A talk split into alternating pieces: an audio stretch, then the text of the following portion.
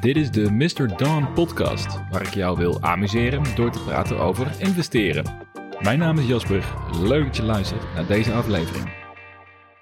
De maand februari loopt ten einde. En in deze maandelijkse recap-aflevering staan we stil bij de belangrijkste ontwikkelingen de afgelopen maand en blikken we vooruit op de komende periode. Ook geef ik een uitgebreide toelichting over mijn portfolio, dus de aandelen die ik heb gekocht, ook heb verkocht, maar vooral ook de redenatie daarachter. Waarom maak ik bepaalde keuzes? Het is heel verleidelijk om te kijken naar het rendement, wat haal je onderaan de streep eruit. Maar in de fase waar de meeste luisteraars aan zitten, en ik zelf ook, is het veel belangrijker om te kijken naar het proces en de keuzes die je maakt en waarom.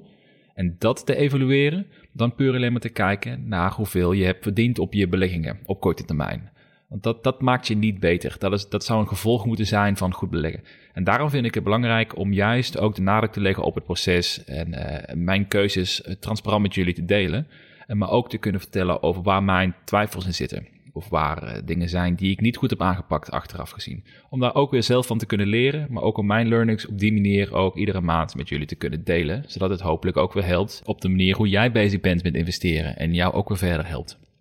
Want als we kijken naar de afgelopen maand, dan is dit waarschijnlijk voor in ieder geval voor nieuwe beleggers een van de eerste momenten geweest waarmee je in aanraking bent gekomen met een dipje van de markt.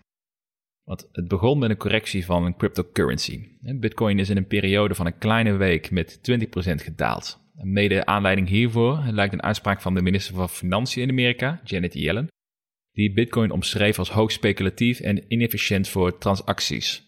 Daarna zagen we vanaf afgelopen woensdag ook dat de rente in Amerika is begonnen te stijgen. En dat had een kleine dip in de aandelenmarkt tot gevolg, met een daling van zo'n 4% van de Nasdaq in de afgelopen week. En dit is denk ik iets waar de meeste nou, nieuwe beleggers nog niet aan gewend waren, is dat de markt ook daadwerkelijk kan dalen.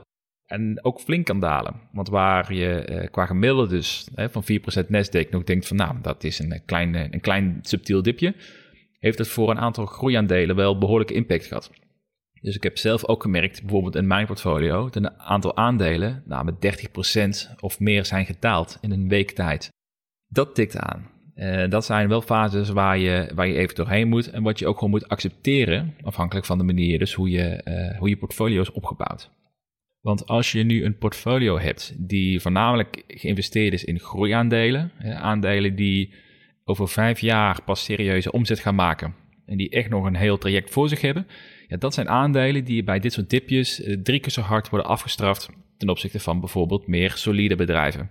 Uh, en dan zie je ook meteen dat dat zijn aandelen die heel snel kunnen stijgen, maar ook dubbel zo hard kunnen dalen. En dat is iets waar je rekening mee moet houden als je je portfolio aan het opbouwen bent. Van hoe goed ben je bestand tegen volatiliteit van je portfolio? kun je het aan om je aandelen vast te houden als ze met 30% dalen? Of raak je daarvan over je toeren en word je daardoor geneigd om te gaan verkopen op een laag punt? Als dat het geval is, dan kun je veel beter uitwijken naar een meer solide portfolio met langzamere groei, maar dus ook uh, langzamere dalingen bij moment van correcties of bij een dip. Hier heb ik in een vorige podcast over gesproken, over agressieve en een defensief portfolio. Dus mocht je dat interessant vinden, raad ik aan om dat segment nog even terug te luisteren. Maar de vraag die denk ik voor nu heel belangrijk is, is, is dit dan een situatie om ons zorgen over te maken voor de komende periode? Of voor de komende maand in ieder geval? Voor mij persoonlijk niet. En dat heeft ermee te maken, enerzijds omdat uh, Biden heeft een steunplan goedgekeurd van 1,9 biljoen dollar. Dus voor de duidelijkheid, biljoen, niet miljard, maar biljoen, dus nog groter.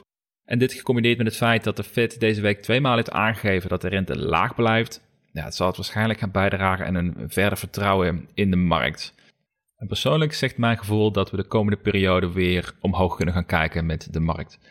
En dat enerzijds heeft het ermee te maken met dat de rente weer lijkt te gaan dalen. En anderzijds zie je ook aan bepaalde metrics dat het sentiment nog steeds heel bullish is. Dus een van de punten waar je naar kan kijken is de ratio tussen put- en call-opties op uh, bijvoorbeeld de S&P. En daar kun je zien dat die ratio nog steeds ontzettend laag is. Wat betekent dat er veel meer mensen zijn die een call-optie hebben, oftewel verwachten dat de markt gaat stijgen en daarop speculeren, dan investeerders die verwachten dat de markt gaat dalen en daarom put-opties hebben gekocht. Dus dit is een van de manieren hoe je objectief kan zien hoe het sentiment is onder beleggers. Nou, en die blijkt dus nog steeds positief als je kijkt naar deze cijfers.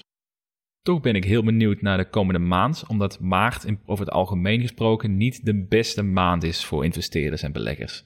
Dus over het algemeen zie je dat de markt daarin consolideert, zelfs een beetje kan dalen. Alleen met de uh, ontwikkelingen van de afgelopen periode, dus dat we net een kleine dip hebben gehad de afgelopen week en nu het steunplan is aangekondigd uh, en de Fed dus heeft bevestigd dat de rentes laag blijven, zou het mij niet verbazen als we dit keer een maart krijgen waar het allemaal iets positiever uit gaat zien. Toch vind ik één ding wel belangrijk om, hè, om te delen van hoe ik erover denk. Dat is namelijk dat het mij opgevallen is dat zelfs bij een nou, lichte stijging van de rente naar anderhalf procent, wat nog steeds niks is als je kijkt naar het grotere plaatje, hoeveel impact dat al had op de aandelenmarkt. Dat dat meteen een aanleiding was voor de Nasdaq om 4% te dippen. Dat vind ik wel interessant en dat betekent voor mij in ieder geval dat ik eh, een soort bevestiging dat de markt nog steeds overhit is, hè, nog steeds wel onder druk staat en ieder klein tikje dat ik krijg, dat dat uitvergroot kan worden in de resultaten. Dus voor mij is het wel een bevestiging dat we redelijk op het hoogtepunt zitten van de markt. Hè, dat zeg ik even vanuit uh, persoonlijk gevoel. En dat betekent wel dat ik mijn strategie daarvoor iets ga aanpassen en iets terughoudender ga worden in de komende periode. Want laten we eens een blik werpen op mijn portfolio.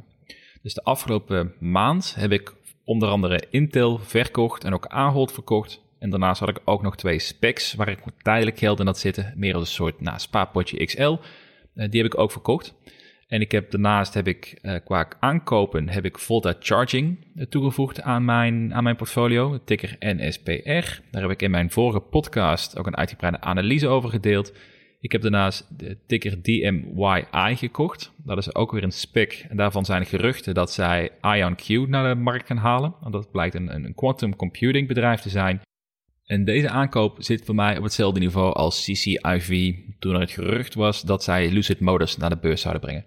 Ik denk dat dit iets is waar uh, speculeerders heel veel interesse in zullen hebben, want er is nog geen bedrijf op de beurs die zich richt op quantum computing. En dat is wel iets wat voor de komende nou, tien jaar vooruit uh, enorme impact gaat maken op innovatie. Dus alleen dat gegeven al verwacht ik dat de koers behoorlijk zal kunnen doen stijgen. Dus vandaar dat dit puur een speculerende inzet is voor nu. En ik ga pas heroverwegen of ik er voor lange termijn wil beleggen op het moment dat uiteraard uh, duidelijk is of ze daadwerkelijk via deze spec naar de beurs komen. En ook nadat ik hun investor presentation heb gelezen over wat het bedrijf daadwerkelijk doet, maar ook onder welke voorwaarden ze naar de beurs komen. Uh, want dat is uh, heel belangrijk, want dat hebben we ook wel gemerkt bij CCIV de afgelopen week. Dat is natuurlijk een, een situatie op zich. Want ik wil namelijk in deze podcast wil ik vier situaties met jullie bespreken waar ik de afgelopen maand mee, mee gestoeid heb of tegen aangelopen ben. En één daarvan is CCIV. CCIV, uh, ik heb er een paar keer over geschreven en over verteld, maar dat is een spec die Lucid Motors naar de beurs zou brengen. En wat blijkt nu, dit deal is bevestigd. Dus Lucid Motors komt daadwerkelijk naar de beurs via CCIV. Mijn initiële investering in CCIV was om te profiteren van de hype die Lucid Motors met zich mee zou brengen. En voor een langere tijd was het ook niet meer dan een gerucht dat zij hè, Lucid Motors naar de beurs zouden brengen, maar er was geen bevestiging. Maar gedurende die periode was de koers al fors gestegen. Dus ik ben ingestapt rond de 15 dollar. En op het hoogtepunt stond het op 63 dollar. Dus dat is een, uh, een forse, forse stijging. Zeker nogmaals als je bedenkt dat het alleen om een gerucht gaat, wat niet bevestigd was. En voor dit aandeel had ik twee exit-strategieën bedacht. De meest voornaamste exit-strategie was dat de koers dusdanig hoog op zou lopen dat de market cap waarmee Lucid Motors naar de beurs zou komen al zo overgewaardeerd was, eh, zeker op het moment dat dat dus nog niet bevestigd is, dat het eigenlijk al een perfect moment zou zijn om winst te pakken, omdat het anders gewoon niet te verantwoorden valt. Dus even concreet, eh, er waren geruchten dat ze voor 15 miljard dollar naar de beurs zouden komen. Op dat moment stond de koers op 60 dollar, wat betekent dat de waardering van Lucid Motors al op 90 miljard dollar zou liggen. En dat is natuurlijk gigantisch voor een bedrijf wat nog geen omzet heeft en nog geen auto's op de weg heeft. Dus dat was mijn eerste gevoel. Ik dacht, ik ga verkopen. Zolang het, eh, het gerucht blijft en de market cap is zo hoog, dan ga ik mijn winst nemen en dan ga ik later zien, als het bevestigd is, of ik ga instappen, ja of nee.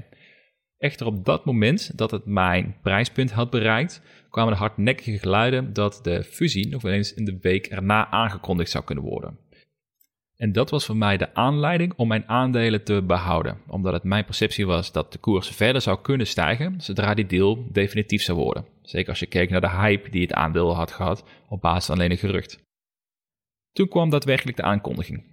En ik meen dat het half één avonds was toen ik het nieuws van mijn aandelen zat te bekijken. Dat opeens de notificatie kwam dat de deal bevestigd was. Nou, ik zat te high-fiven in bed. Ik denk dat ik mijn buren wakker heb gemaakt. Dus ik ging het persbericht verder lezen en ik zag een waardering van 16 miljard, teruggerekend naar een koers van 10 dollar. Ik dacht van, nou, dat is op zich een prima deal. Iets hoger dan ik had verwacht, maar ik ben heel benieuwd wat er nu gaat gebeuren. En toen ging ik kijken naar hoe de markt op reageert. En binnen no time stonden we 30% in de min. En toen de markt de volgende dag openging, was de koers gehalveerd. En dat was niet waar ik op had gerekend toen ik s'avonds het bericht las dat de visie rond was. Maar zonder te veel op details in te gaan waarom deze koers zo hard gedaald is, is de vraag vooral interessant om te stellen: had ik eerder mijn winst moeten pakken, ja of nee? En het is heel makkelijk om nu achteraf te zeggen van ja, ik had mijn winst moeten pakken, het was belachelijk gewaardeerd, uh, onzin dat ik het niet gedaan heb. Maar het is altijd goed om te evalueren hoe zag je exit-strategie eruit en wat waren je ideeën op dat moment. Nou, mijn exit-strategie heb ik net toegelicht, hè, dus er zou een bepaalde market cap moeten bereiken zonder dat die deal rond zou zijn. Of in ieder geval zonder dat het concreet duidelijk zou worden dat het op korte termijn rond zou komen. En die exit-strategie die viel af op het moment dat aangekondigd werd dat we in de week erop een fusie mochten verwachten. Want dat verandert de zaak wel, want mijn initiële investering was om te profiteren van de geruchten. Maar ik ken Lucid Motors al een aantal jaren. Ik weet dat zij een serieus concurrent zijn van Tesla. En de enige naast Rivian die echte concurrentie met ze op kan gaan. Dus ik vind het een heel interessant merk om daar voor lange termijn in te investeren. Dus op het moment dat die deal wordt aangekondigd, ga je eigenlijk opnieuw nadenken. Van is dit een bedrijf waar ik voor lange termijn in wil gaan investeren, ja of nee? En ik moet toegeven dat ik, de waardering was, was vrij hoog. Uh, zeker als je kijkt naar de koers op dat moment. Hè, was gewaardeerd rond de 90 miljard, uh, miljard dollar, iets hoger zelfs. Dat was uh, hoog. Alleen, ik had daardoor een keuze kunnen maken om tijdelijk uit te stappen en dan te hopen dat de koers zou dalen. Alleen als je dat gaat doen, dan ga je weer de markt proberen te timen. En dat heb ik een aantal keren geprobeerd ik heb er nog steeds slapeloze nachten van. Als ik kijk naar de koers van Pinterest bijvoorbeeld, wat een uh, enorme overtuiging van mij was. Uh, die heb ik verkocht rond de 15 dollar. Nou, je wil niet weten waar die nu op staat. Dus dat, dat spelletje speel ik niet meer. Ik wil gewoon beleggen in bedrijven voor lange termijn. Het, het interesseert mij niet meer wat de koers is op de korte termijn. Sterker nog, ik kijk alleen naar de koers op de korte termijn om te weten of ik bij wil kopen of niet. En dat is nu dus ook mijn strategie voor CCIV. Inmiddels is de koers gedaald tot rond de 13 dollar. Dat is een market cap waar ik vrij, uh, vrij tevreden mee ben. Het is steeds duur hoor, daar niet van. Maar het is wel, als je kijkt naar de, de, potentie voor de lange termijn. Dit is een aandeel die je 5 tot 10 jaar sowieso moet vasthouden. Dus eigenlijk gewoon op de plank leggen en niet meer naar kijken. Als je het op die manier bekijkt, vind ik het op dit moment een, een, een aardige waardering. Mocht nou de koers verder gaan dalen in de komende periode, dus bijvoorbeeld naar 20 dollar, dan vind ik een dubbel dikke bij. En dat betekent ook dat ik juist meer bij ga kopen in plaats van dat ik er afstand van ga nemen. Want dit is dus gewoon een bedrijf die ik nu beschouw als een lange termijn investering. Zeker na het, uh, het gelezen hebben van hun investor presentation en me nog verder verdiept hebben in wat Lucid allemaal doet, ben ik wel overtuigd dat dit een hele goede lange termijn investering gaat zijn. Dus lang verhaal kort, was het de verkeerde keuze om niet winst te pakken. Achteraf gezien zou je kunnen zeggen ja, want ik ben de helft van mijn investering kwijtgeraakt.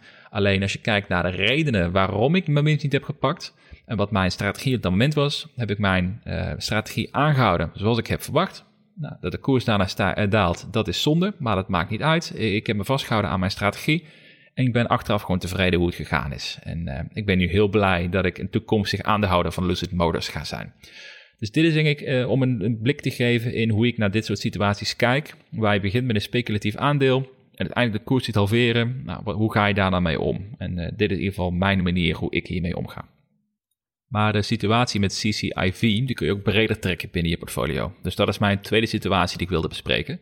Is had ik winst moeten pakken op groeiaandelen zoals Momentus en Desktop Metal. Want Momentus is de afgelopen week met zo'n 30% gedaald en Desktop Metal is met zo'n 20% gedaald. Dat zijn ook twee bedrijven waarvan ik verwacht dat zij op lange termijn marktleider kunnen worden binnen hun domein, waar ik ontzettend veel vertrouwen heb. Alleen het zijn wel bedrijven die dus enorm hard afgestraft kunnen worden bij een dip. En dat hebben we dus ook gemerkt in de afgelopen week. De vraag is dus, zou je daar winst op moeten pakken bij dat soort groeiaandelen? Nou, hier wil ik eigenlijk terugkomen op de situatie van, uh, van CCIV en Lucid Motors van net.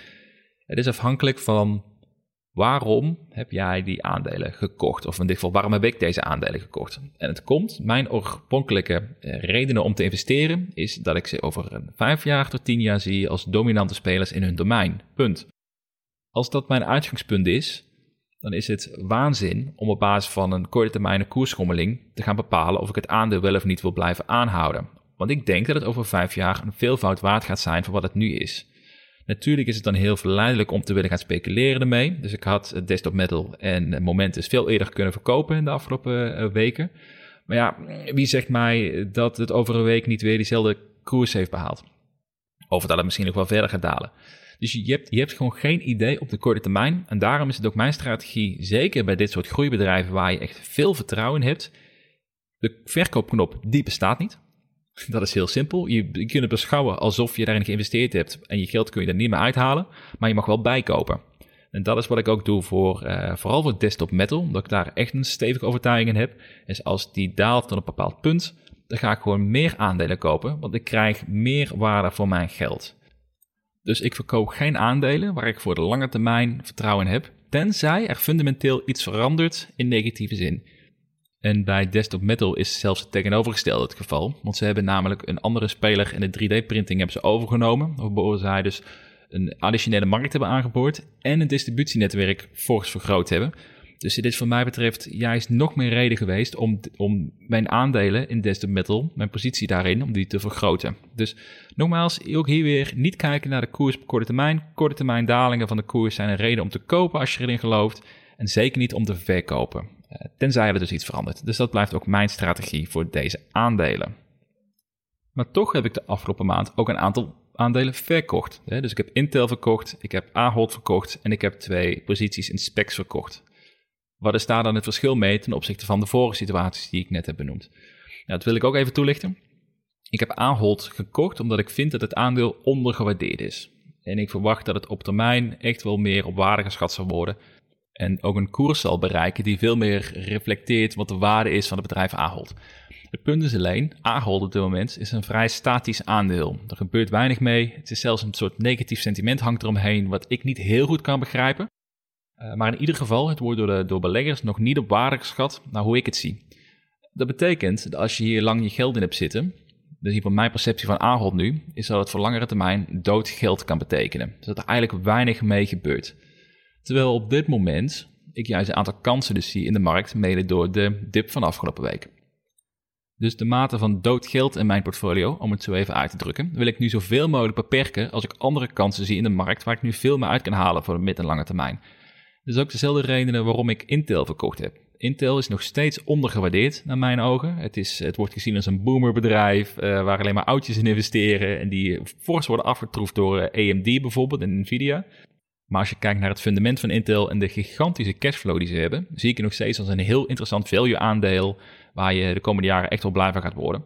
Alleen ook daar is het geval dat ik de fair value van Intel had ingeschat rond de 65 dollar. Nou, hij staat nu op 63 dollar. Hij is redelijk opgeklommen vanaf het moment dat ik het gekocht heb, wat rond de 50 dollar lag. En op dit moment zie ik meer rendement in bepaalde aandelen die zijn afgestraft in de afgelopen week. Dus dan ga je eigenlijk je portfolio herbalanceren. En dat is dus ook wat ik gedaan heb. Dus niks te nadelen van Ahold of Intel. Ehm, maar ik zie daar gewoon een betere beleggingskans in voor nu. Dat is ook dezelfde reden waarom ik mijn twee specs heb uh, verkocht. Die heb ik niet heel veel aandacht gegeven, want het waren eigenlijk twee spaarpotjes XL. profiteren als ze een tof target aankondigen en dan uh, meegaan op de koers en dan verkopen op dat moment. alleen dat is interessant als je geld over hebt die je tijdelijk niet ergens anders in kan beleggen, omdat bijvoorbeeld koersen heel hoog staan. Nou, ook die situatie is dus veranderd, dus ook die aandelen heb ik verkocht, omdat ik wel nu kansen zie. Dus vandaar uh, dat ik de afgelopen week ook Ahold, Intel en die twee specs heb verkocht, om dat geld vrij te maken om enerzijds een betere cashpositie op te bouwen, omdat ik dus uh, de markt iets wat spannend vind. Wat ik begin al aangaf, je geeft de markt een klein tikje en je kunt een flinke dip verwachten. Nou, dat betekent dat ik iets voorzichtiger word, dat mijn cashpositie daarom iets groter wordt. Dus mijn doel voor nu is om een positie van 20% in cash op te bouwen, zodat ik heel snel kan investeren in de aandelen die ik heel graag wil hebben, naarmate die koers blijft dalen. En concluderend, de, de laatste situatie die ik wilde bespreken, is ook een vraag die ik heb gekregen moet ik nu gaan verkopen voordat, uh, voordat de markt echt gaat dalen? Of is het juist tijd om de dip te kopen? Dat is een hele goede vraag, denk ik, om uh, kort nog even bij stil te staan. Ik heb het al net al wat, toegelicht wat mijn strategie is. Hè. Dus mijn strategie is het kopen van aandelen waar je veel vertrouwen voor hebt voor lange termijn. Profiteer van die dip, zou ik zeggen daarin. Maar anderzijds, het is ook niet erg als je twijfelt om even af te wachten hoe de markt zich gaat bewegen de komende tijd. Want we hebben nu net een, een, turbulent weekje achter de rug. En dan vooral voor bepaalde aandelen. Want als je marktbreed kijkt naar de Nasdaq bijvoorbeeld of naar de S&P, dan gaat het om een paar procent. Nou, dat is niet meer dan een, een, een gezonde beweging van de markt in mijn ogen. Maar in dit soort situaties kan het ook heel verstandig zijn om te wachten totdat de markt zich weer gaat herstellen. Of dat bepaalde aandelen die jij op het oog hebt zich gaan herstellen. En op dat moment te gaan kopen. Het voordeel daarvan is dat je niet koopt op de weg naar beneden, maar dat je koopt zodra de koers weer aan het herstellen is, dus op de weg omhoog. Betekent wel dat je waarschijnlijk niet het absolute dieptepunt van de koers zal pakken, maar dat maakt niet uit. Dus een voorbeeld te geven, ik heb afgelopen week eh, Desktop Metal op twee momenten gekocht. Eén moment was op 24 dollar, omdat ik, hem, omdat ik vond dat hij al behoorlijk, uh, behoorlijk gedaald was. En dat was op het moment dat hij nog meer naar beneden aan het gaan was. Twee dagen later stond hij op 20 dollar. En toen heb ik ook weer bijgekocht. Eh, wat mij betreft, ik vind dat voor mij een strategie die werkt. Ik koop gewoon op de weg naar beneden, koop ik, omdat ik niet erg vind dat de koers verder gaat dalen. Maar het zal waarschijnlijk verstandiger zijn als ik had gewacht met die beide aankopen. En eh, kijk waar de bodem ligt. En stel dat hij dan twee dagen het aandeel groen is, om dan te gaan zeggen, nou, nu ga ik bijkopen. Dat is een, eh, een strategie die je misschien wat meer rust geeft, waardoor je ook de eerste paar dagen ziet dat je koers stijgt van het aandeel wat je gekocht hebt. Geef je misschien net iets meer rust. En voor mij persoonlijk maakt het niet heel veel uit wat de koers op korte termijn doet. Want ik, ben, ik was net een paar maanden aan het beleggen toen de coronacrash uh, gebeurde. Dus ik ben inmiddels wel gewend geraakt aan koersen die heel snel naar beneden kunnen gaan. Maar het geeft misschien net iets meer rust als je nu aan het twijfelen bent of je dip moet kopen of dat je moet afwachten. En ik heb hiervoor een tip om jou mee te geven die jou moet helpen om door deze periodes heen te komen. Belangrijk is wat je nu kunt gaan doen, is het maken van een wishlist of een watchlist. Dus dat betekent dat je gaat opschrijven voor jezelf in Exceletje of een Word of wat dan ook. Welke aandelen zou jij heel graag willen bezitten? En welke koers moet bereikt worden voordat jij overgaat tot een aankoop? Het grote voordeel daarvan is dat jij nu al weet welke aandelen jij wilt gaan kopen, mocht er een correctie plaatsvinden. Dat gaat je heel veel rust geven en ik zal je vertellen waarom. En stel dat wij in de komende periode een serieuze correctie mee gaan maken. Je moet je voorstellen, op dat moment is je portfolio waarschijnlijk met 30 tot 40 procent gedaald als het tegen zit. Zeker als je in groeiaandelen zit. Je bent pessimistisch, iedereen is pessimistisch. We denken dat de markt nooit meer gaat herstellen. Want dat is het moment waarin er daadwerkelijk correcties plaatsvinden. Dus stel je dat even voor in je hoofd hoe dat eruit ziet. Als je op dat moment geen idee hebt wat je graag zou willen bezitten in aandelen, dan garandeer ik je bij deze dat je niet de trekker over durft te gaan halen. Want op ieder moment dat je naar je, naar je portefeuille kijkt en je ziet die rode cijfers en je ziet je geld verdwijnen als sneeuw voor de zon, dan ben je eerder geneigd om te gaan verkopen dan te kopen. Ik garandeer het je dat dat het geval is. Als je er tenminste niet over hebt nagedacht bij voorbaat. En wat een watchlist voor jou gaat betekenen, is dat het de emotie uit je handelen gaat halen in die periodes. Want stel je voor, je wil nu heel graag Google toevoegen aan je portfolio. Je hebt er een hoog vertrouwen in, maar je vindt de koers nu te hoog. En je schrijft voor jezelf op, ik wil Google kopen op het moment dat de koers naar 1000 dollar gaat. Nou, dan kun je nu misschien denken, ja, dat gaat nooit gebeuren, want er staat nu op 2000. Hij zou het moeten halveren. Nou, die situatie had ik ook zelf in de februari. Ik had heel veel aandelen op mijn watchlist staan die ik wilde kopen bij een koers wat zeker de helft lager lag. En mijn gevoel was, dat gaat nooit gebeuren. Nou, we waren denk ik twee weken in de, in de coronacrash. En drie vierde van de aandelen die ik heel graag wilde bezitten voor een veel lagere koers op het moment van opschrijven, die waren gewoon haalbaar. Dus die heb ik toen ook gekocht op dat moment. Alleen, ik weet zeker dat ik dat niet had durven doen als ik niet een watchlist had gehad. Want wat je dan gaat doen is dat je gaat kijken naar hoe ver kan de koers nog meer dalen. In plaats dat je hebt nagedacht over wanneer is het een hele goede deal voor mij. Dus bijvoorbeeld uh, Google, als je die op 1000, 1000 eh, dollar kan kopen, dan is het gewoon een fantastische deal als je er nu naar kijkt. En als je nu een fundamenteel uh, analyse maakt van het aandeel. Als je echter op dat moment in een crash zit en je bent pessimistisch en je ziet 1000 euro Google, want het is in twee weken tijd is de koers gehalveerd, dan is de kans heel groot dat je denkt van ja, Google zit in een vrije val. Dus ik ga wachten tot hij nog verder daalt en nog verder daalt. Dus je gaat de trekker niet overhalen. Daarom helpt zo'n watchlist ontzettend om dus de emotie eruit te halen en te zorgen dat je op dat moment de juiste keuzes kan maken. Maar zo'n watchlist moet je gaan maken op het moment dat je emotioneel stabiel bent. En dat is nu het geval waarschijnlijk, want er is niet heel veel gebeurd in de markt. Um, waarschijnlijk denk je ook dat die noodzaak niet is om het te gaan maken. Maar als je, uh, stel dat er een correctie komt, dan ga je heel blij zijn dat je een lijst klaar hebt liggen met koerstargets die je wil halen. Waarna je gewoon de trekker kan overhalen op basis van een analyse die je gedaan hebt toen je nog gewoon emotioneel stabiel was en geen last had van de nukken van de markt. Echt absoluut aanrader. Ga het doen voor jezelf. Dat nodigt indirect namelijk ook uit om beter onderzoek te gaan doen naar de merken die je interessant vindt. Of aandelen die je misschien heel graag wil hebben of misschien wel niet wil hebben. Een absolute aanrader om daarmee te gaan beginnen. En afsluitend, ik heb natuurlijk ook nog een cryptocurrency positie in mijn portfolio. Daar uh, hoef ik niet heel veel over te hebben. Die gaat gewoon goed. Ik zie dit als een lange termijn investering. Het maakt mij niet uit of die koers 20, 30, 40 procent of meer uh, daalt. Want dat, dat hoort er gewoon bij. Ik houd vast voor de lange termijn. Ik ben uh, blij met mijn, mijn investering daarin. Er zit nu ongeveer rond 20% van mijn totale vermogen. Dat is ongeveer ook de max die ik wil hebben qua crypto. Dus dat is gewoon goed. Dat is prima. Ik blijf erin investeren. Ik kom niet aan.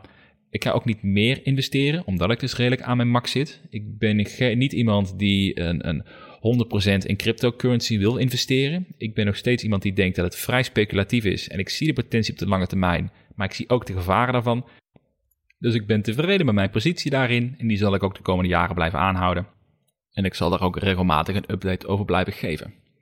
Dus afsluitend de maand februari het eh, begon heel sterk. Ik heb op een gegeven moment stond 30% in de plus op mijn totale vermogen. Het eindresultaat is rond de 5% stijging. Dus ik ben al lang blij, eh, gezien de afgelopen week, dat ik nog steeds een positieve maand heb gehad.